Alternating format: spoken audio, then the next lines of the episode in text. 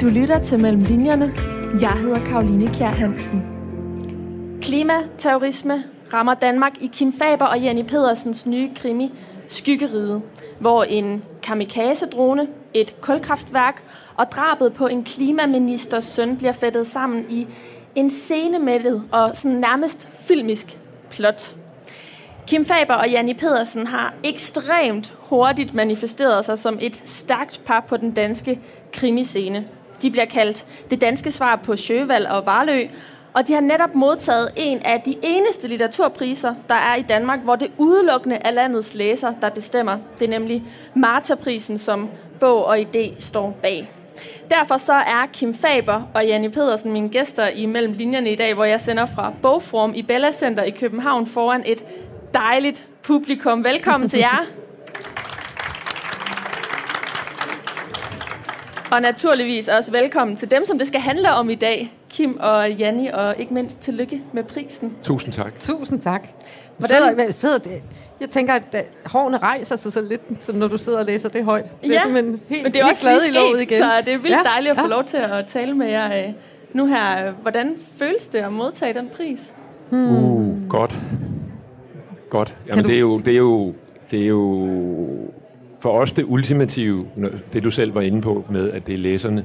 Det er læsernes pris. Og som forfatter, så kan man jo ikke opnå nogle meget større ting, end at så mange læsere synes, at man har skrevet nogle gode bøger, som nogen så finder det værd at premiere med sådan en, med sådan en titel. Jeg synes, det er vildt. Altså, vi, den første bog udkom for tre et halvt år siden, ikke? Øhm, og at folk jo så hurtigt har taget vores karakterer til sig, og, og lært dem at kende og blevet fortrolig med dem, til at vi lige pludselig får den her, eller modtager den her meget, meget fine pris. Øh, er enormt ydmyg og enormt taknemmelig. Som du siger, så øh, debuterede I i 2019, og I har netop udgivet den fjerde bog i øh, jeres krimiserie. Den hedder Skyggeride. Den udkom den 20. Øh, oktober, og læserne de belønner jer altså også, når det kommer til bestsellerlisten, fordi lige nu så ligger den her bog som den mest læste hmm. under øh, krimi-genren. Det er den bog, som vi skal prøve at ligesom tale om jeres måde at arbejde på som forfatter, øh, fordi Mellem Linjerne er et program på Radio 4, der handler om forfatteres research og arbejdsmetoder. Øhm, så det er altså med afsæt i researchen og, og jeres arbejdsmetoder til øh, skyggeriet, vi skal prøve at tale om, øhm, om jeres arbejde i dag, de næste 55 minutter. Krimiforfattere ved jeg er nogle af dem, der researcher rigtig meget. Og I er jo til med os journalister. Janne, du er ved TV2, og Kim, du har været på øh, Politikken sådan helt overordnet set, hvor meget fylder research for jer som forfattere? Altså, der er en del, vi ved i forvejen. Jeg har dækket krimi og, og retsreportage i rigtig mange år på TV2-nyhederne. Jeg har været 20 år eller sådan noget, ikke? så der ligger selvfølgelig noget i rygsækken.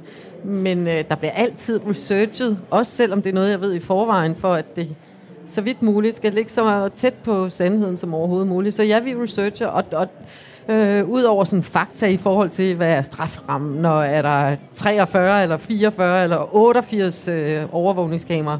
Så når vi tager ud og taler med folk, så giver det jo også nogle informationer, som man måske ikke altid lige ja. vil få.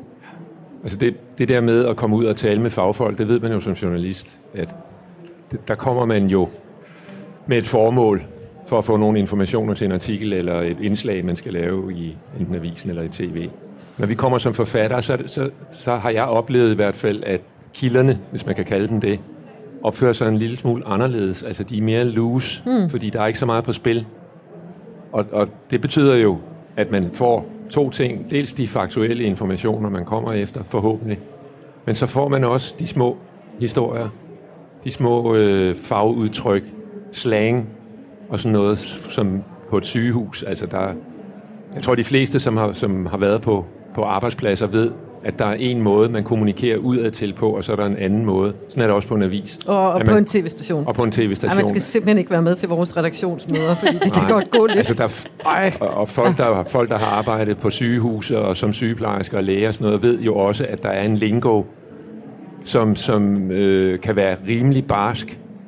Sagde I også sovs og kartofler på politikken, Kim? Ja, ja. Den okay, skal have, den mere skal sovs og kartofler. Den skal have med sovs og kartofler. Ja. Og Vi kommer ikke til at afsløre, hvad det er en journalistisk term for, men jeg tænker, I Jeg godt kan lige gætte det. spørge, jeg kender den altså ikke. Gør du ikke Nej. det? Jamen det er... Der Man kan, skal... også give den med, man kan også sige, at den skal have med violiner, ikke? Jo, På den helt høje klinge. skal Ja, have på der den skal helt, mere vi skal føle- helt op. Der skal Ja. mere følelse på. Der skal mere stemning. og det er jo ikke, fordi noget, vi er usympatiske mennesker, men det er jo en term, hvor man så godt ved, vi skal dyrke det følsomme lidt mere hos den karakter, eller den person, man har interviewet. Ikke? Og hos læger og sygeplejersker, tror jeg, der handler det jo også meget om, at når man beskæftiger sig med så, så dramatiske ting som liv og død på et sygehus, hvor folk kommer ind og er skadet og alt muligt andet, og dør, og børn dør og sådan noget, så er man simpelthen nødt til at have en måde at håndtere det på, som, hvor man lægger en, en distance til det, og det, men, det mener jeg ikke negativt, fordi jeg tror, det, det er sådan, man overlever, når man arbejder med sådan noget.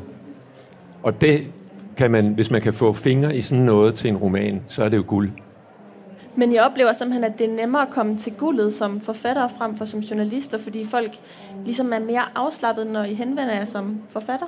Ja, det Ja, tror jeg i det- den grad. Altså, som tv-journalist, der, der er man jo ekstra udfordret, fordi du har et kamera, og du har folk, som står, og nogle gange er der også lige en deadolight, der skal sættes, så man får det bedste lys, og så videre. Ikke? Så, så hele den der situation er jo kunstig, så du skal... Altså, nu er jeg studievært på et aktualitetsprogram på TV2 fra dengang, hvor jeg var reporter, Øhm, og der bruger vi jo enormt meget krudt på at gøre folk trygge, inden de kan åbne sig, fordi det er en kunstig situation at sidde der. Øh, så det er klart, når man tager ud som forfatter, øh, jamen så får man guld lidt hurtigere. De åbner sig måske på en måde, som, som de ikke ville gøre, hvis man sad med sin øh, kuglepind og skulle skrive en artikel i politikken, eller skulle, skulle interviewe til god aften. Så ja, der er forskel. Og jeg har, jeg, har, jeg har tit selv, efter at have været journalist i så mange år, har jeg altid haft det sådan en lille smule, når jeg ringede folk op og skulle snakke med nogle kilder, at jeg på en eller anden måde var lidt pinligt berørt over det, eller, eller forlegen, fordi jeg forstyrrer folk. Det gør man jo i deres arbejde og siger, har du tid til at snakke med mig et kvarter eller en halv time? Gjorde du det? Har du, har du haft det sådan? Ja, ja, en snært af det har der Kom fra altid været. politikken, Kim. Ja, ja. og og, og det, det, man kunne sige også til sig selv og til kilderne også i øvrigt, det var, at det her det er en win-win situation. Jeg får noget ud af det, du får noget ud af det. Som regel i hvert fald. Du får i hvert fald noget opmærksomhed om din sag og sådan noget. Og den her kan man jo ikke rigtig sælge på samme måde, når man kommer som forfatter. Det er kun dig, der får noget ud af det. Det er nemlig kun mig, der får noget ud af det.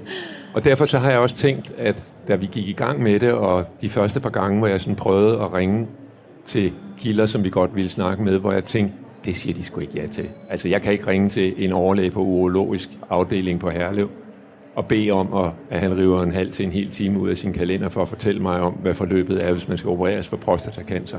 Men jeg prøvede det jo. Og hvad sagde han? Jamen, han sagde, kom bare. Jeg find, hvor, Men- han, Men Kim, når du siger det, så tror jeg jo egentlig ikke, der er så stor forskel. Altså, du ved jo også godt, hvis der kommer nogen og spørger, altså nu sidder vi her en time og får lov til at tale om vores bøger. Når folk spørger til, hvordan er det at være skrivende journalist eller studievært, det er jo enormt dejligt, når folk interesserer sig for det, Klar. man er optaget af. Og det er vel fuldstændig det samme for dem, uanset Jamen, om det, det bliver en artikel eller en bog. Altså den der interesse i Ja. folks fag. ja.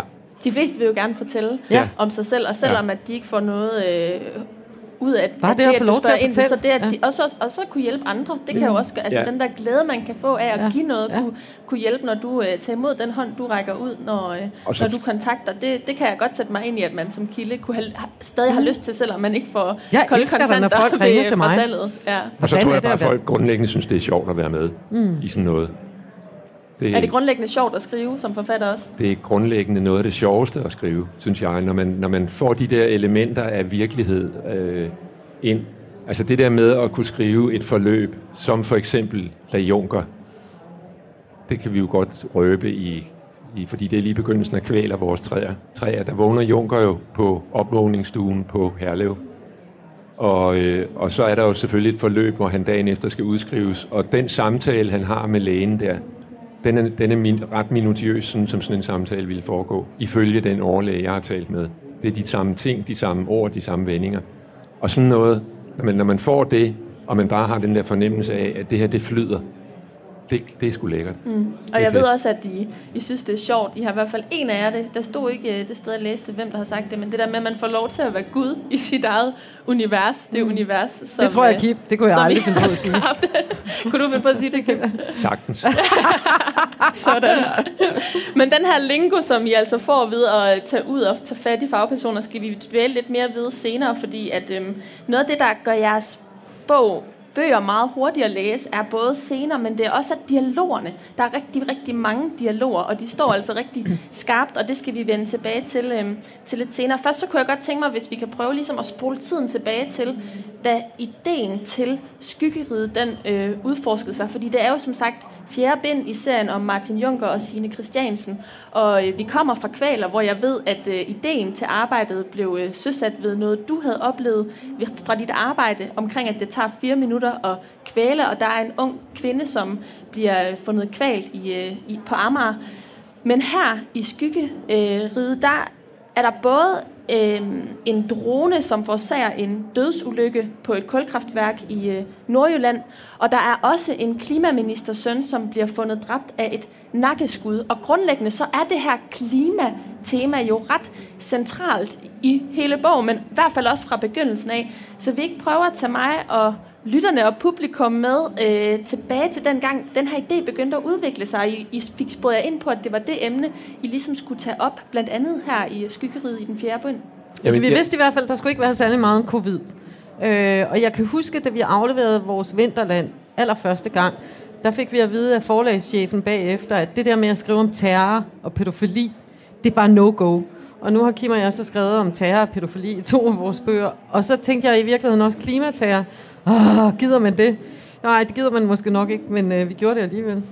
Ikke? Jo, men det er også, jeg tror, mm. vi har sådan lidt en, en, altså, fordi vi er journalister, og og er vant til at orientere os i nyhedsbilledet og sådan noget, så, så går vi går sådan tit og snakker om, jeg tror, vi har sådan en, vi sætter lidt i banken.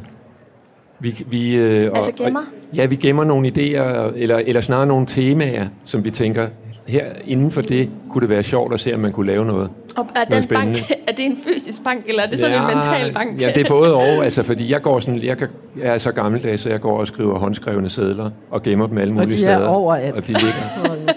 Sammen med, husk at købe tandpasta og alt muligt. Ja, så jamen, der kan godt stå både tandpasta, hundefoder, og så kan der stå klima, terrorisme, spørgsmålstegn på den samme seddel, som bliver fundet i et par bukser, som er blevet vasket. Så det var så, næsten helt udvisket, man skulle sådan helt det frem. Det, det kan det godt være.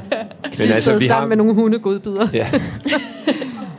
vi, har, vi, har, vi, vi går sådan lidt og samler til bunke og tænker sådan, hmm, også, også nu som femmeren, som jo er den næste af gode grunde, vi går i gang med, der har vi allerede sådan et paradoks, som jeg ikke skal røbe her, men hvor vi tænker, hvis nu der sker det her, og han så bliver løsladt, hvad så?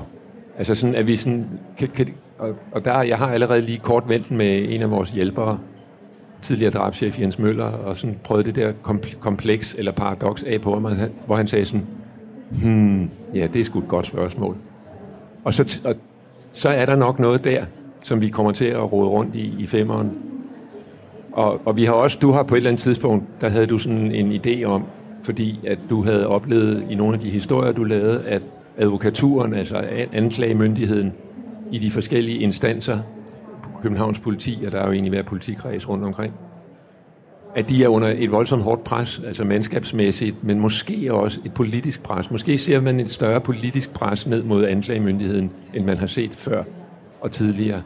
Og der, og der har vi snakket om, kan man på en eller anden måde bruge det til noget? Og vi ved det jo ikke, fordi det kan godt være, at det viser sig, at lige min, min umiddelbare reaktion var, da Janne kom og sagde, skal vi ikke lave noget om statsadvokaturen eller advokaturen i Københavns politi?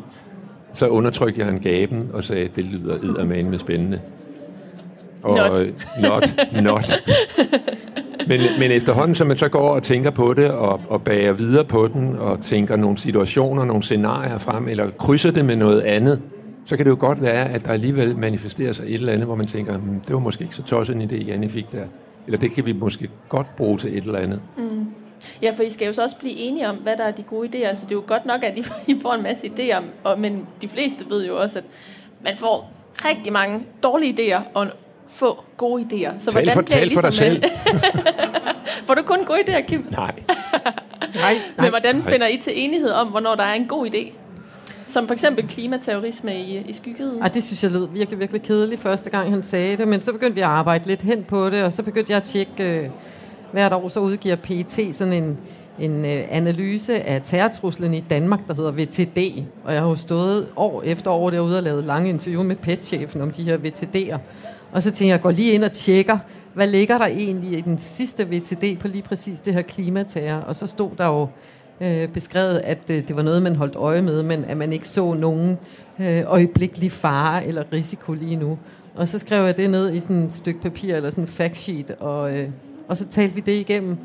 Øh, også set i lyset af, at Kim havde fundet sådan en bog med en, hvad er det, en amerikansk ja, eller svensk? Nej, det var en svensk. Ja. Øh, en svensk forfatter, som har skrevet en bog, og nu kan jeg ikke huske helt præcis, hvad den hedder, men det er sådan noget med at sprænge rørledningerne i luften. Mm. Sprænge rørledningerne i luften. Og den handler om præcis det her, som, som jeg gik og undrede mig lidt over. Heldigvis, kan man sige, har vi ikke haft noget klimaterrorisme endnu af den her karakter, hvor folk bliver slået ihjel og sådan noget.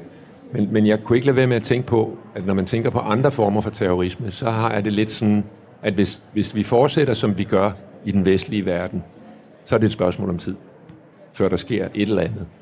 Og, og det siger jeg ikke for at være sådan sort seer, eller, men, men jeg tænker sådan, det tilsiger logikken, hvis man kender sådan til international politik og den udvikling, sådan noget kan tage at så kommer der et eller andet, og så kom det, og så Gud døde med, så blev den der bog, altså, og det har vi jo oplevet med den ene ting efter den anden i skyggeriet, at vi har skrevet noget ned, og skrevet det i vores øh, synops outline, eller ja. outline og alt muligt andet, og så Gud døde med, så er, det, så er der sket noget, der minder om det en måned efter i virkeligheden, eller sådan noget, hvor vi tænker, hmm, det var sgu da alligevel pokkers. Mm. Jeg synes og, også, at, at når man læser Skyggeriget, så, så virker det altså, desværre som et ret realistisk scenarie. Altså, mm. det virker ikke som noget, der er så langt ude i, øh, i fremtiden. Og derfor er det jo også noget, der kan krybe under huden og gøre, at man får lyst til at læse videre, fordi at det er jo også en frygt, I sætter i gang. Man læser også lidt på baggrund af den der, øh, af den der frygt. Nu nævnte du selv, Janne øh, Pedersen, den her outline, som I arbejder med. Det ved jeg noget, I arbejder med hver gang. Og det er jo sådan måske næste skridt, efter I har lagt jer fast på den her åbning øh, og, og det her emne, som vi skal tage fat i. Vi ikke prøve at fortælle, hvad det går ud på at lave en outline? Altså i og med, at vi er to, der skriver, så har vi jo også behov for en, en stor grad af struktur, så derfor så bruger vi vel, hvad bruger vi en 3-4 måneder, 4 måneder på at outline, hvor vi sådan minutiøst, altså vi har selvfølgelig snakket om, hvad skal plottet være, hvad skal handlingen, hvor skal vores øh, hovedkarakter hen, er der nogen, der skal skrues lidt op for, er der nogen, der skal skrues øh, ned for dem. Øhm, og så går vi simpelthen i gang, og så sidder vi over for hinanden, og så bliver der diskuteret i bund. Ikke? Og det er, det er frokost og kaffe og, og, og nogle gange også altså nogle ret voldsomme diskussioner. Ikke? Men, jo, jo. Men, men det er jo også i det rum, at at det bedste opstår, når, når vi punker hinanden for, er det her realistisk? Er det for langt ude? Er det for, hvordan kan vi tune det, hvis nu Kim kommer med en idé, hvor jeg har det sådan, nej, det, det, det kommer simpelthen ikke til at hænge sammen. Men kan vi alligevel arbejde med det? Og det gør vi så. Der bliver skruet op og ned. Altså, jeg, jeg var på et seminar med en amerikansk plotguru, som hedder Robert McGee, for to år, to og et halvt år siden i London. Og, og han, er, han lærte mig i hvert fald det der med at lave en outline. At, og det er jo noget, udtrykket er også lånt fra manusforfattere, som skriver film og, og hvad hedder det, tv-serier. Og outlinen er på den måde, vi man kan lave det på mange måder, men det er scene for scene, eller kapitel for kapitel, en detaljeret, relativt detaljeret gennemgang af, hvad sker der i det her kapitel? Hvem, er, hvem har synsvinkel? Hvilken af karakter, vores hovedkarakter har synsvinkel? Hvor er vi henne? Hvordan er vejret? Hvad dato er det? Øh, hvad sker der? Hvad er handlingen i det her kapitel? Sådan en lille minibog. En lille minibog. Vi kalder det en pixie-udgave af, af, den rigtige, af det kapitel, som senere hen kommer i, i, øh, i romanen. Tager det lang tid at lave, det eller er det i virkeligheden noget, der er... Lang tid. Ja, det tager simpelthen så lang tid. Øh, altså det tager en stor del af arbejdet ligger faktisk ja. der. Jamen det er tæt, for vores vedkommende tæt på halvdelen af den tid, vi bruger på at skrive en bog. I hvert fald en tredjedel af den tid, vi bruger på at skrive en bog, mm. bruger vi på det der. Og masserer det helt igennem, og det er for os, også for det, som Janni sagde før, det der med den måde, vi arbejder på, fordi vi har to forskellige arbejdssituationer, Janni arbejder fuldtid, så er det enormt vigtigt, at hun kan gå ind og håndplukke de kapitler, hun gerne vil lave, og som passer til, til det, du nu ved enormt meget om, altså retsvæsen eller politi eller så det fordeler I allerede så der det fordeler vi, altså, outline. Du siger, at jeg tager kapitel 24, 26, 28, 39, mm, 21 mm. eller 71 osv. Og så og dem kan Janni... Fordelen med den her arbejdsmetode er, at man groft sagt kan springe ind hvor som helst i den her historie og begynde at skrive et kapitel. Og så øh, starter jeg som regel forfra. Og, og, og det er rigtigt, der har, inden vi går i gang, vi har jo ligesom den der gryde, eller masse af forskellige informationer. Vi har vores idéer om advokaturen, om klimaterrorisme, om et eller andet, og så, og så sætter vi os ned, og så tænker vi enten, og det kan enten være noget, vi gør sammen, men det kan også være en af os, eller jeg sidder over på kontoret og tænker, hvor begynder vi? Hvor begynder den her historie? Og den begynder, når man så skriver den ned, den begynder for stort set næsten aldrig der, hvor vi først tror, den begynder. Vi, det er meget tit, vi laver om på de første kapitler og starter historien et andet sted, end vi troede. Men, og så arbejder vi os ellers derud af med, med hele det der materiale, og, og, og der er det jo bare med at lade, lade sig prøve simpelthen at få filmen til at rulle for ens øjne. Nu sagde du før, at, at, det en, at vi arbejder på en måde, som, som øh, du, jeg ved ikke, om du kaldte det filmisk, men at det i hvert fald er scene på scene på scene, og, og det er jo den film, vi forsøger at få til at rulle, når vi så laver vores outline. Og, og jeg var, min betænkelighed var, da vi gik i gang med at arbejde på den her måde, om vi, om vi på den måde sugede kreativiteten ud af selve skriveprocessen. Men der tror jeg nok, at jeg må erkende, i hvert, og jeg vidste jeg faktisk godt i forvejen, at jeg er mest kreativ, når jeg er inden for nogle faste strukturer og nogle faste rammer. Det tror jeg også gælder for dig Ja, jeg, jeg kan huske sådan, da vi skrev etteren, hvor jeg skulle blev nødt til at cykle ud til Mjølnerparken, selvom jeg har været derude rigtig, rigtig mange gange tidligere.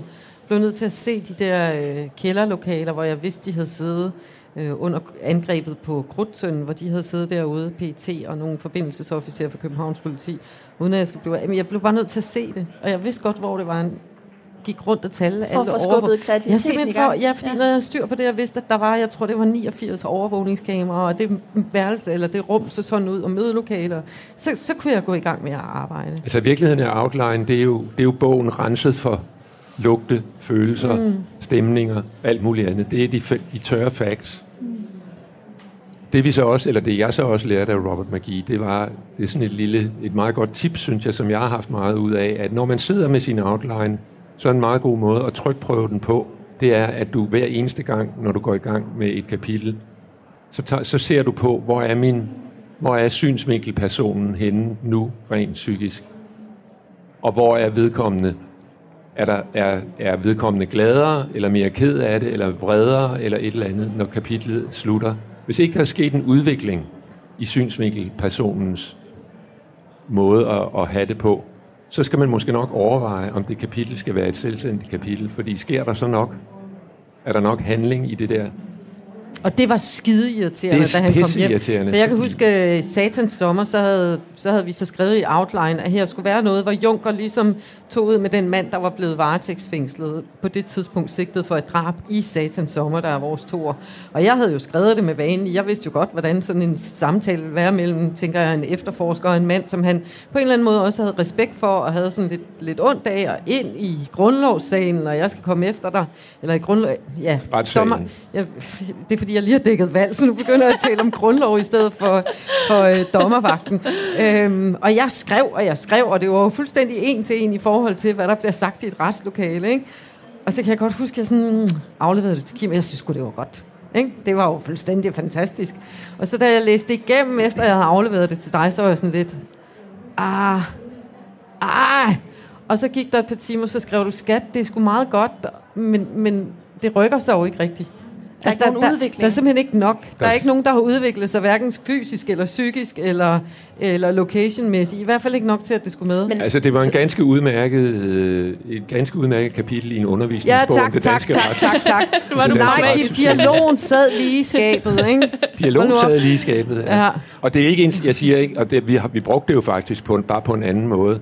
Det er jo ikke hmm. ens betydende med, at det ikke skal bruges det, det kan så bare indgå ja, nu kommer du igen, hva? Nu kommer du igen. Men det er da også noget et benspænd, at der skal være, der skal ikke bare være en karakterudvikling igennem hele bogen, der skal faktisk også være det, det, i, det, i det enkelte ja. kapitel. Og, øhm, og man kan sikkert, vil Robert McGee sige, bryde det ned til hver enkelt scene. Hold at der op. skal være en udvikling. Ja, okay.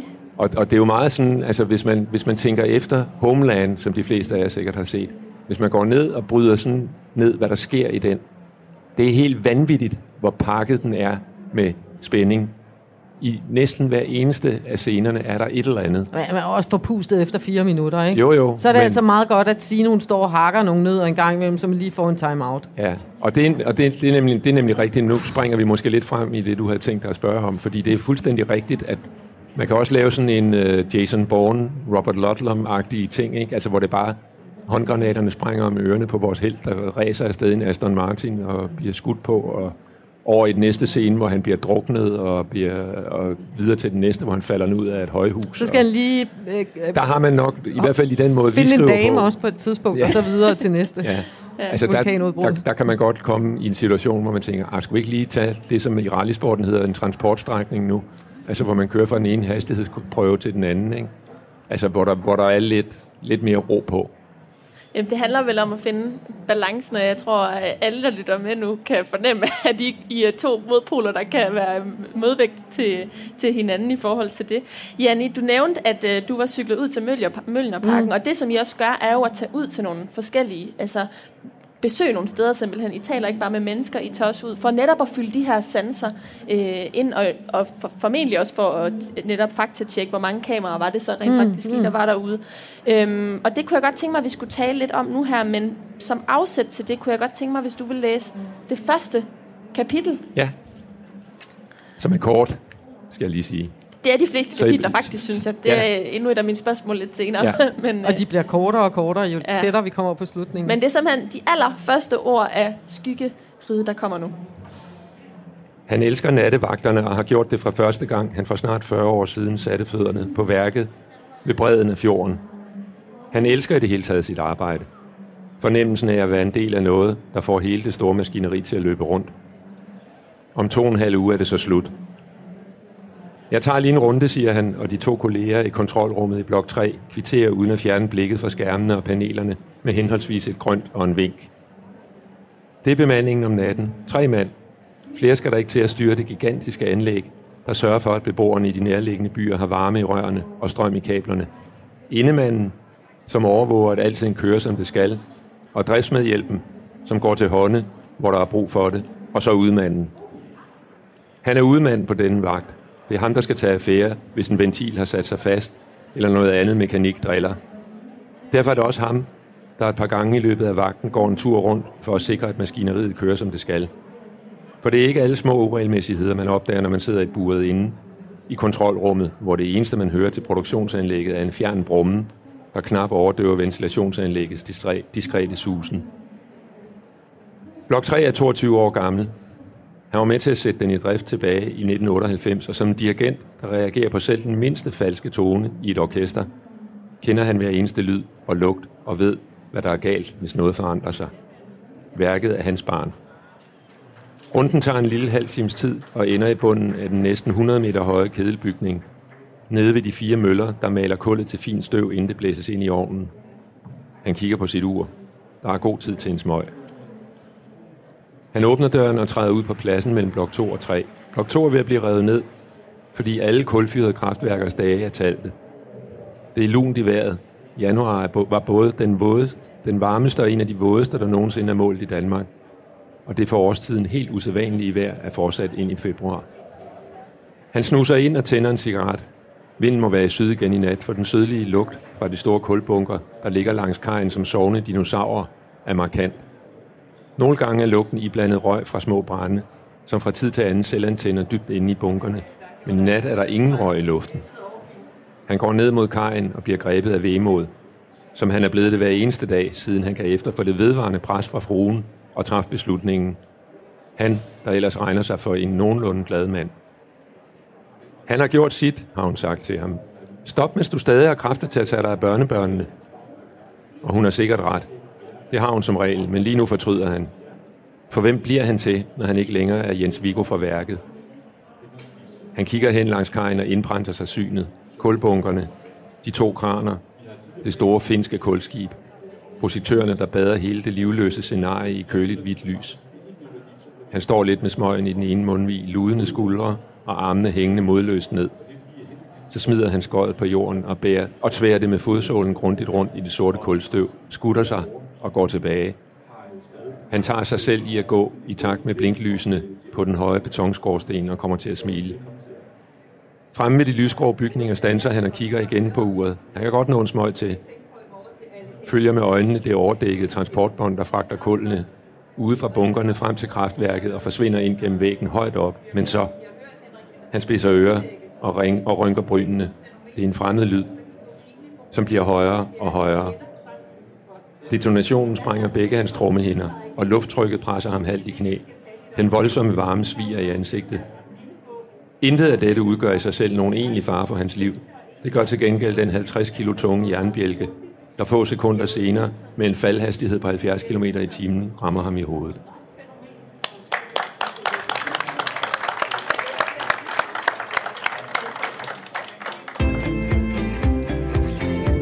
Du lytter til Mellem Linjerne. Jeg hedder Karoline Kjær Hansen. Og det er en helt særlig udgave af Mellem Linjerne, som du lytter til. Det er nemlig en live special fra Bogform i Bella Center i København med mine gæster, Janni Pedersen og Kim Faber, som er aktuelle med Skyggerider. Det var altså det første kapitel, som du, Kim, lige læste højt fra ja. den. Tak for, øh, for det. Jeg ved, at for at kunne skrive den her scene frem, så skulle du op og besøge et kulkraftværk i øh, Nordjylland, Jamen. og meget specifikt også om, om aftenen, som mm. jo er der scenen foregår på. Vil du ikke prøve at fortælle lidt om den oplevelse? Jo, men det er jo lidt om altså den, det, vi snakkede om før, at vi arbejder stadigvæk på samme måde, som vi ville gøre, hvis vi var journalister. Altså, det er jo ikke en utænkelig opgave, at man som journalist bliver sendt ud. Der er meget debat om kulfyrede kraftværker i øjeblikket. Jeg kan sagtens forestille mig, at man på en redaktion sidder og siger, skal vi ikke ud og besøge sådan et, og hvad foregår der egentlig derude? Og, og det var jo det, som, som jeg så gjorde. Jeg fik en aftale med, med værket, som igen, hvor jeg tænkte lidt, hvor sjovt synes et kraftværk lige, at det er, at der kommer en journalist eller en forfatter, som vil beskrive et terrorangreb.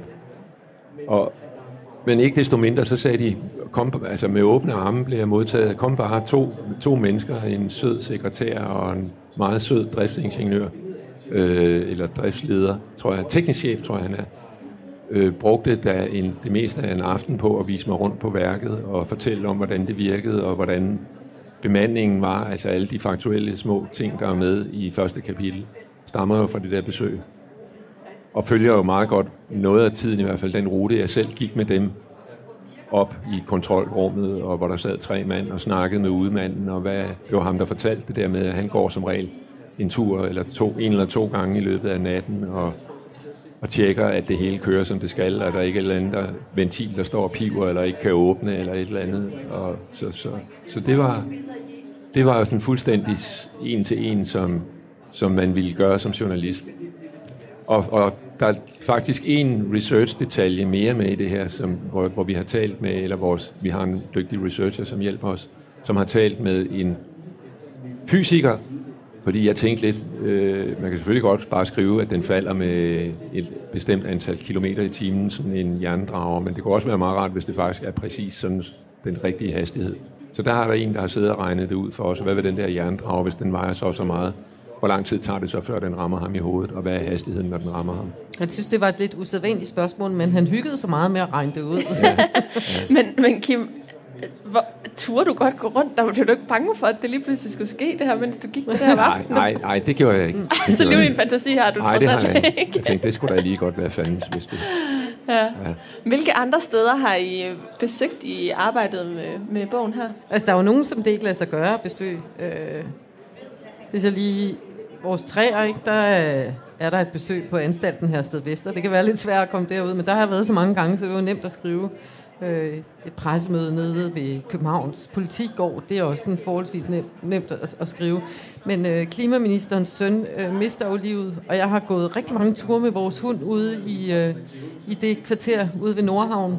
Øh, for at finde ud af, hvordan skulle lejligheden se ud. Skulle det være en lejlighed? Skulle det være sådan et high-tech lejlighed nede ved vandet? Eller skulle det være et parcelagtigt hus? Eller hvad skulle det være? Det, det, jeg skrev et kapitel, hvor det var lidt sådan high-tech lejlighed, og så kunne vi godt mærke, at det var ikke... Eller, ej, det var mest dig, som ikke lige synes det sad i skabet. Og så begyndte vi så i virkeligheden at skrive om på det. Og det er jo der, hvor, hvor de der små ting opstår, som at man lige ser noget efeu, der hænger på en speciel måde, eller at øh, der ligger et, øh, et ambassade lige ved siden af, så man tænker, det skal jeg selvfølgelig bruge, fordi at øh, selvfølgelig skal de rekvirere overvågningsbilleder øh, fra, fra det her ambassade. Øh, lige så snart, at øh, drabet er foregået. Så på den måde, så får man altid de der små lunser, mm. og det gjorde vi også her. Og, og jeg var og selvfølgelig også, også, det ligger jo ikke ret langt fra, hvor vi selv bor, i Lærsøparken, som, mm. som er en af Københavns mindre kendte parker, som ligger øh, for foden af Bispebjerg Hospital, kan man sige. Den der store grønne, grønning, som breder sig ned til, jeg kan ikke huske, hvad gade det er, der kommer dernede. Rovsingsgade, tror jeg det er. Og, og en af de ting, som, og og da jeg gik rundt derude for at øh, notere, og det er jo sådan mere bare at notere, hvordan ser ud, og hvad, hvad er det for en slags park. Det er ikke en park, jeg er kommet i, men jeg har kørt forbi en masse af gange ud på Tagensvej, ikke? og kigget derind, og også hvis man skulle på Bispebjerg Hospital, dengang der var en skadestue deroppe, og hvis man har børn, så skal man jo nogle gange på skadestuen. Mere, øh, mere når man har en dreng end en pige, tænker ja, jeg. Ja, det er ja, rigtigt. Du har så en af hver. ja. ja. Men og, og da jeg gik derude, så kigger jeg mig sådan rundt, og så tænker jeg, hvad fanden er der ligger der? Men det skulle da Mjølnerparken. Nå ja, der er jo ikke mere end få hundrede meter fra der, fra Lærsøparken over til Mjølnerparken. Mm. Og hvor er det lige Nabia, som er en af vores hovedpersoner, er født? Jamen, hun er født i Mjølnerparken. Så selvfølgelig kender Nabia den der park mm. som sin egen bukselomme, mm. ikke? Og det, var noget, det kommer jo til mig, og det kan godt være, det var kommet til mig alligevel, men det er jo først, da jeg står derude og kigger rundt og sådan noget, så tænker jeg, det er sgu da Mjølnerparken, man kan se lige derovre.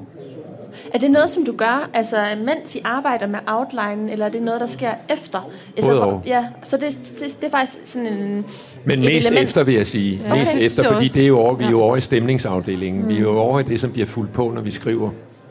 Øh, så, så detaljeret er vi sjældent i outline, men, men vi er alligevel, altså når man har den der outline, den, den ansporer også vores fantasi på en mm. måde, så man kommer i gang med, man går sgu hele tiden og tænker, man har næsten konstant et eller andet kørende om et af, et af de der kapitler, og der kan vi sagtens, det er også derfor vores outlines vokser i omfang, der, hvis man kommer i tanke om en eller anden dialogbid, det kunne egentlig være meget sjovt, hvis han sagde det, og hun så sagde det, mm. så skriver vi også det ind i outlinen, og det, og det er jo selvfølgelig derfor, den begynder at vokse og fylde og sådan noget fordi der ligger også små lunser af dialog inde i den. Mm. Og, og dialogen er, som jeg sagde tidligere, altså virkelig virkelig præsent i, øh, i skyggerider, så er det, som jeg også sagde, korte kapitler. Altså man kan virkelig hurtigt komme igennem den her. Og jeg tænkte egentlig sådan, jeg, jeg tænkte på Jussi Adler Olsen, da jeg læste den, altså i forhold til måden, den er bygget op på.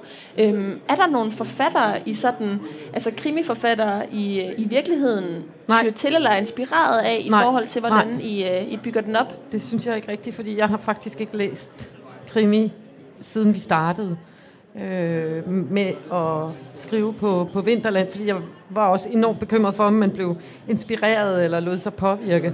Jeg har læst nogle krimier, fordi jeg skulle lave de interview øh, kvæg mit arbejde, men, men ellers så prøver jeg simpelthen at holde mig væk ja. fra det. Og jeg kan huske, da Kim og jeg blev kærester, der gav du mig øh, Sjøvel og Varløs samlede værker, fordi... Øh, dem skulle jeg læse. Jeg nu, tvang dig til at læse Ja, du tvang mig til at... Jeg fik dem simpelthen stukket i hånden. Gå så i gang, ikke? Hvis du skal være min kæreste, så skal du kende det her. og så blev jeg jo meget sådan optaget af det der femi-krimi med Lisa Marklund og Anne Vibeke Holst i starten. Mange andre. Og så på et tidspunkt... Øh, så kan jeg huske, du sagde til mig, Kim, nu skal du simpelthen stoppe. Altså, du bliver også nødt til at læse. Det lyder som om, han styrer, altså hvad jeg gør derhjemme. Jeg, jeg, jeg bestemmer selv, ikke? Men, men, men jeg var, det var hele tiden sådan noget øh, narkomani nærmest, at bogen skulle læses, så jeg kunne ikke lægge den, og jeg lå og læste klokken to-tre stykker om natten, og skulle bare have den næste side, næste side, for jeg skulle vide, hvem drabsmanden var. Og der kan jeg huske, du sagde til mig på et tidspunkt, det her det er simpelthen blevet for meget. Du bliver nødt til at lægge de der krimier fra dig, og så begynder at interessere dig for, for andet litteratur, biografier eller andet, øh, anden litteratur. Og det var skide svært. Jeg altså tror, at gå i gang med at læse men, men lige du har jo så stadig læst, altså for eksempel Charlie og Varlø, ja, altså, som jo er, at så, de her, men det var, de her det var svenske par i 70'erne, som virkelig har skrevet nogle krimier, altså, og det er jo også nogen, som I er blevet sammenlignet med. Det er jo en kæmpe ja. gave, at de har fået den ja, øh, sammenligning, for de står virkelig på den der krimi, krimitone. Men jeg tænker, når du har læst øh, krimier tidligere, så kan det jo også være, at det ligger på din ryggrad. Altså, at du er så meget inde i genren i, hvordan man kan bygge, bygge en krimiroman øh, det var egentlig også en lang indledning, hvor jeg faktisk slet ikke fik uh, svaret på dit spørgsmål. Så nej, lige nu tænker jeg ikke, at vi er så påvirket af andres måde at skrive på, fordi vi prøver at holde det lidt væk. Men, jeg tænker, øh, men der er ikke nogen tvivl om, at Tag du over herfra. jeg tænker, du er, du er ikke lade være. Jeg tænker omvendt, at vi er meget påvirket af tv-serier. Altså, der er, ja, og det tror jeg, der er rigtig mange forfattere, både tv-serier, og så også det faktum, at vi i stigende grad bliver læst, eller ikke læst, men lyttet. Og, og det er ikke sådan, at vi har en eller anden færdig opskrift på, at sådan skal man skrive, hvis man skal lyttes eller det der er der, der er meget diskussion i øjeblikket, om der er forskel på at skrive en krimi, som skal læses eller skal lyttes. Og det er muligt, der er det, men det er vi slet ikke dygtige nok til, at vi kan begynde at sige noget fornuftigt om. Men, men det der med, at, som jeg sagde før med Robert McGee, altså det der med, som er manusforfatter og har, har beskæftiget sig med, med manus til serier og film, det, det betyder noget. Altså jeg tænker, det gør jeg også som journalist, når jeg skriver features og sådan noget, jeg tænker meget scenisk. Jeg tænker fra scenen, hele tiden fra scenen til scenen og, og lægger så selvfølgelig det, man jo nødt til. Alt, ikke alt i en bog kan, kan afklares i scener og sådan noget. Man er også nødt til at forklare lidt, og man er nødt til at gå bagud og lave flashbacks og alt muligt andet, ikke? for at få det her til at hænge sammen og få folk til at forstå, hvad den her bog handler om. Men jeg tror ikke, der er nogen tvivl om, og det tror jeg gælder utrolig mange krimiforfattere i dag, at vi er mere eller mindre alle sammen under påvirkning af det der hmm. serier som, som er et fænomen, der jo er kommet til os inden for de sidste, hvad skal vi sige, 15-20 år, ikke? Og, og kommet for at blive. Mm. Janni, nu nævnte du de her femikrimier, som du havde læst øh, tidligere, og det der jo er særligt for jeres øh, serie er, at der er en mand, og der er en kvinde. Vi har Sine Christiansen, og vi har øh, Martin Junker. Um, jeg ved, at Sine er din fortjeneste, fordi at øh, Kim, du var gået i gang, og der var helten, det var Martin, og så skulle der også være en øh, inde. Og jeg tænker egentlig, det her øh, kvindelige blik, som du kommer med, øh, kan jeg godt mærke som læser. For eksempel er der en scene, hvor at øh, en af de andre politi øh, kvinder øh, henvender sig til klimaministeren, fordi de skal overlevere øh, den ærgerlige nyhed, eller den tragiske mm. nyhed, at hans søn er død. Og øh, sekretæren kigger simpelthen ikke på, øh, på den kvindelige politikvinde. Øh, mm. Han kigger hele tiden på, på manden ved siden af. Og det er jo sådan en situation, som jeg forestiller mig, øh, du har bidraget med, men det er jo virkelig bare en forestilling, jeg har gjort mig mm. i læsningen. Vil I prøve at sige lidt om, hvordan I selv tror, jeres øh, forskellige køn spiller ind på, hvordan I kan skildre scener fra forskellige vinkler. Altså, at det ikke bare er sådan en ensidigt øh, skildring, øh, når, man, når man sidder alene som forfatter med et køn kun. altså, det er jo noget, vi også har talt om, fordi jeg, jeg øh, lagde mærke til her for et års tid siden, eller et års tid siden, at hver gang øh, der kom mandlige gæster ind i går aften live-studie, så sad de og kiggede på Lasse Sjørslev eller Abdel, øh, også selvom det var mig, der stillede spørgsmål. De kiggede simpelthen lige forbi mig. Øh, og når jeg så sidder sammen med Petra, så kigger de på mig. Fordi jeg er ældre end hende, og derfor er jeg så sikkert en, en, en øh, altså sådan ubevidst en, en større autoritet end hende. Øh, hvad, er det, hvad er det, der gør det? Og det er jo sådan noget, Kim og jeg, for jeg er rasende, når jeg kommer hjem. Ikke? jeg, jeg har stillet forstå. tre spørgsmål til en eller anden mandlig ekspert, som ikke kigger mig i øjnene. Ikke? Så, så, så der, der sker jo hele tiden, så hvordan den der scene er opstået, jeg ved ikke engang, om vi har siddet og tænkt, vi har sikkert skrevet i outline, at øh, iskold øh, sekretær, som, fordi det er dig, der har skrevet scenen, men, men det, kan, det opstår sikkert i outline øh, ved selv at have oplevet det. Men, men selvfølgelig... jeg tror faktisk, jeg kan, kan huske, huske at jeg mener, at du sagde, at enten skrev det ind eller sagde, det ja. skal, vi ikke, skal vi ikke benytte det her ja. til at vise. Og, og du fører jo nærmest nu sådan statistik over, hvem, hvem, hvor mange gange der, du bliver kigget forbi, eller, eller dine kvindelige kolleger bliver kigget ja. forbi. Fordi man kan, det er fuldstændig rigtigt, hvis I lægger mærke til det, når der, er, der har lige været valgudsendelser nu. Det sker stensikkert hver gang, der er en mandlig partileder, som sidder derovre, sidder der en kvindelig journalist og en mandlig journalist. Ja, taler du lige præcis om mig nu, eller taler Nej, jeg du... taler generelt. Nå, okay. hvis, hvis man holder øje med Men du det. du ved godt, jeg har lavet sådan nogle... Har du set de programmer? Fordi der sidder nemlig en mandlig vært, og så sidder din hustru, og så sidder der en mandlig politiker. Ja, jamen det er ja. det, jeg siger. Okay. Og, øh, og, og der er det fuldstændig tydeligt, det du siger, det er, ja, tak, at, han, at han kigger meget mere på mm. den mandlige øh, journalist, end på den kvindelige eller den øh, Jeg kommer rasende hjem så sidder man der med alle sine spørgsmål, og man kan simpelthen ikke få øjenkontakt til den mandlige partileder, fordi han sidder kun og kigger på Troels Møllenberg eller Esk Rostrup. Det er øhm, helt vildt. Så ja, Nå, nu blev vi lige nej, lidt... Jamen, det, øh, nej, det... Men, men det er jo de der... Altså, jeg, sådan har det jo også været tidligere. Ja, vi er jo tilstræbt objektive journalister, når vi er ude og, og bedrive vores fag. Det er jo også, når jeg sidder og laver interview.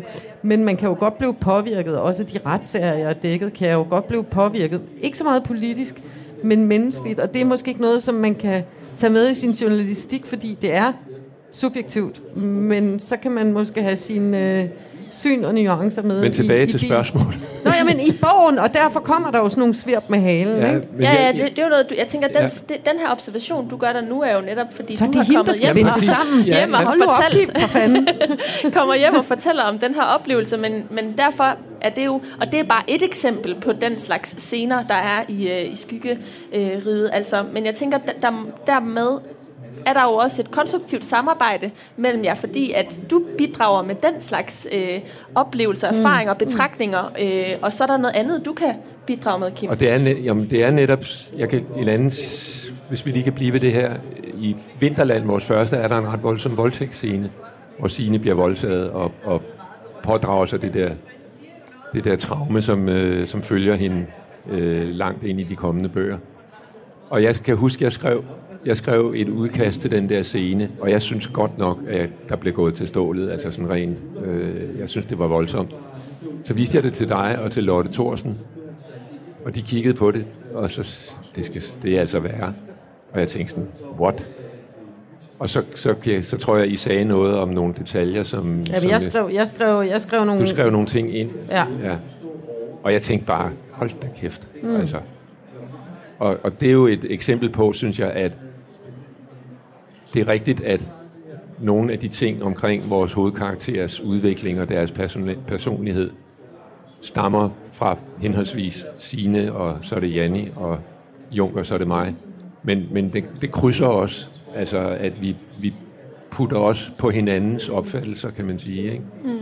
Jo. af, hvad, Jeg synes heller ikke, altså det er klart, i etter, der skrev jeg meget mere på sine, end jeg behøver at gøre nu, fordi, og jeg, jeg kan også skrive på Junker. du kan skrive på jo. Altså, Så- vi har så- ligesom fået cementeret dem nu på en måde, eller nu, nu ved vi ved begge to, mm. hvad de, hvordan de er, ikke? Mm. Og, og hvad de står for. Men det er jo ikke sådan noget med, at vi skal sidde, jeg skal sidde og diskutere og sige, nu skal der meget mere sine ind over, eller nu skal vi have meget mere øh, kvindelig touch på det, eller sådan noget. Vi, altså, vi, er, vi har alligevel så meget respekt over for hinanden, både som, som, øh, som den, der driver historien, men også som skribenter, at, øh, at vi godt ved, hvordan det skal doseres. Ikke? Så der er, der er ikke rigtig nogen kamp om, at nu... Altså, jeg kan huske, at vi skulle i gang med, med den her, så siger Kim så, hvad, hvad, hvad tænker du, der skal ske med Signe? Altså, hvor skal hun hen? Og så kan jeg bare huske, at jeg sagde, men jeg ved det ikke, Kim. Jeg tror simpelthen, vi skal skrue ned for hende, fordi det eneste, jeg kan forestille mig, det er, at hun skal i overgangsalderen, og det er simpelthen ikke nok. og så blev vi så enige om, okay, måske skal vi skrue op for nogle af de andre karakterer, for vi skal heller ikke malte dem for meget, hvis vi ikke selv kan mærke, at wow, nu opstår der noget fantastisk.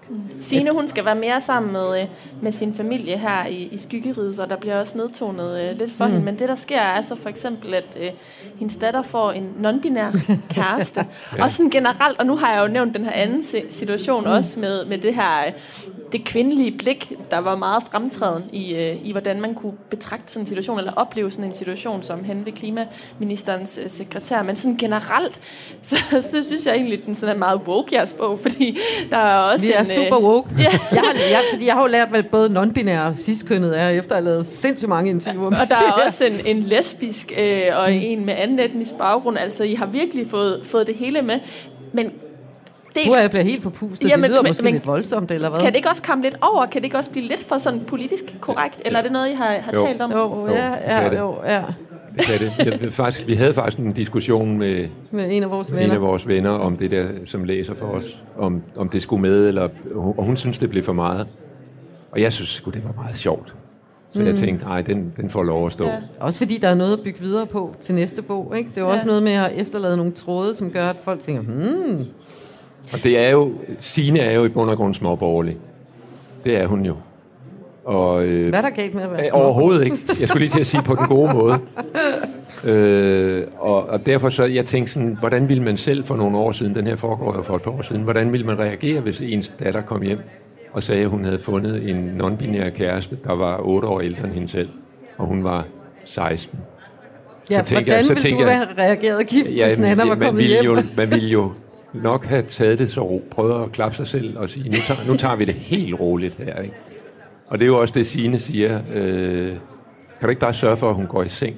Eller hun ligger i sengen, mm. når jeg kommer hjem, så... Øh, så ej, jeg, jeg, jeg synes... Altså det, er jo, det kan godt være, at der er nogen, der synes, det bliver for meget, og, men vi, vi bestræber os faktisk ikke på at, at få hævet ned fra hylderne. Altså de fleste af de ting, som du refererer til her, stammer jo, er jo noget, vi har skrevet, før det ligesom er, er, er sket. Altså, nu tænker jeg på nogle af vores Jeg mener, vi skrev om den her kamikaze-drone længe inden, at kamikaze-droner lige pludselig blev en, en aktuel del af krigen i Ukraine. Og, og der er flere andre tilfælde. Vi havde skrevet, ja, det der, der er noget omkring Junker i begyndelsen af bogen. Junker bliver kaldt ud til et plejehjem, hvor der er mistanke om, at der foregår nogle drab.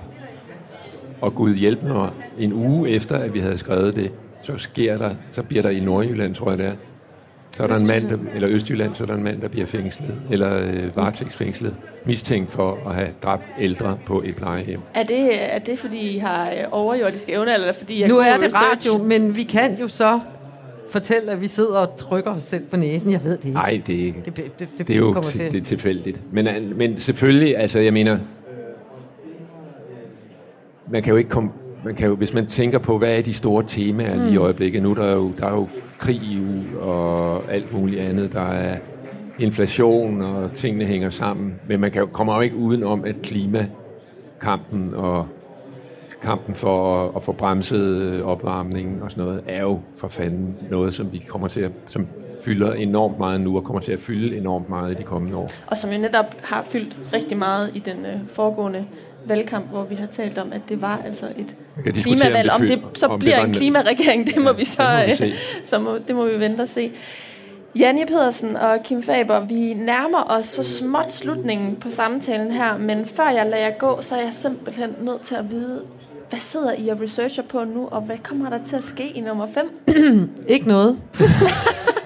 altså, jeg, kort. jeg, jeg, jeg skulle lige have overstået valget, og så øh, skal vi også ud og signere bøger og besøge en masse boghandler, så det er i virkeligheden Ej, det, jeg koncentrerer mig om. Men jeg tænker, vi går i gang her midt i december på rigtig outline. Men Kim, Kim er i gang, og jeg, altså, vi har jo talt om det her lille twist. Så der bliver ikke researchet Det- så meget lige nu, vel? Jeg sagde det der før med, at vi har et dilemma, som vi godt kunne tænke os at prøve at udforske. Kan det, du sige lidt mere om det dilemma? Oh, det er altså svært. Det er svært. Det er jo sådan en lille lukket kreds, vi sidder i her. Altså, hvad... Hvis nu en mand viser sig, at har siddet inde i, lad os bare sige, 6-7 år, og er blevet psykologisk vurderet eller psykiatrisk vurderet, og det bliver man jo, hvis man har begået drab, hvis han har slået et barn ihjel for eksempel. Og man vurderer, at han er farlig, eller kan være farlig, Til fare for andres til liv fare for og andres liv og leve, læme. Levnede eller læme. Ja. Hvis det så viser sig, at han er uskyldig dømt, så er man jo nødt til at løslade ham. Og så går der en mand rundt, som man har psykiaternes ord for er farlig. Kan det opstå? Kan det ske?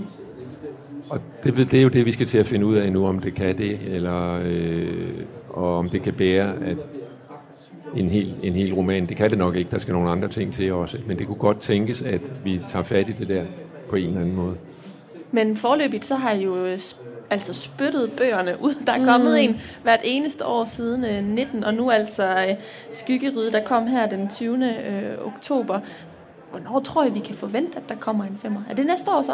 Ja, det kunne det godt være. Men det kan også godt være, at vi lige trækker den lidt, så vi kan få hentet nogle børnebørn lidt mere fra børnehave og vuggestue. Vil du Hvad gerne lidt mere fritid? Du arbejder jo også øh, rigtig meget ved siden af. Lige nu er jeg lidt træt. Jeg Ja. ved ikke, om det er på grund af tømmermændene efter den der pris, vi modtog i går.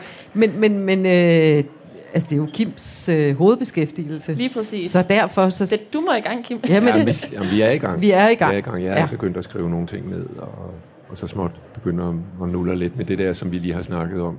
Kan der ligge noget der? Det ved vi jo ikke, om der kan. Nu har vi jo måske ovenikøbet også givet vores konkurrenter en idé. Det var sgu dumt. det er jo, det er jo tosset dumt, Kim. Vi Men, må hellere, vi må hellere stoppe før. Ja, før jeg til at sige noget mere. så hvor lang tid der går, det ved vi ikke rigtigt endnu. Nej, vi satser lidt på måske i november næste år. Gør vi Lige det? op til Ej, er næste du sikker? Er du sikker? Er du sikker? Nu må vi se. Siger du november? Nej, nu må vi se. Nu må vi se. Det må, øh, det må tiden Tiden viser. vise, ja. Janne Pedersen og Kim Faber, tusind tak, fordi I vil fortælle om arbejdet mellem linjerne i Skygge Sagde du november? i dag. Sagde du november, Kim? I hørte undskyld. det. I hørte det første publikum, Okay, okay, det dejlige så. publikum, Ja, ja, altså som vi har godt så. sendt foran i dag. Det var en øh, særudsendelse af Mellem Linjerne, du lyttede til. Den var fra øh, Bogforum i Bella Center i øh, København. Og øh, ja, jeg siger det ordentligt tusind tak, også fordi at I var med mig her på scenen i dag. Kim Tak, Faber det var en og Janne. Pedersen. Og tak til jer, som lyttede med i radioen eller på podcast.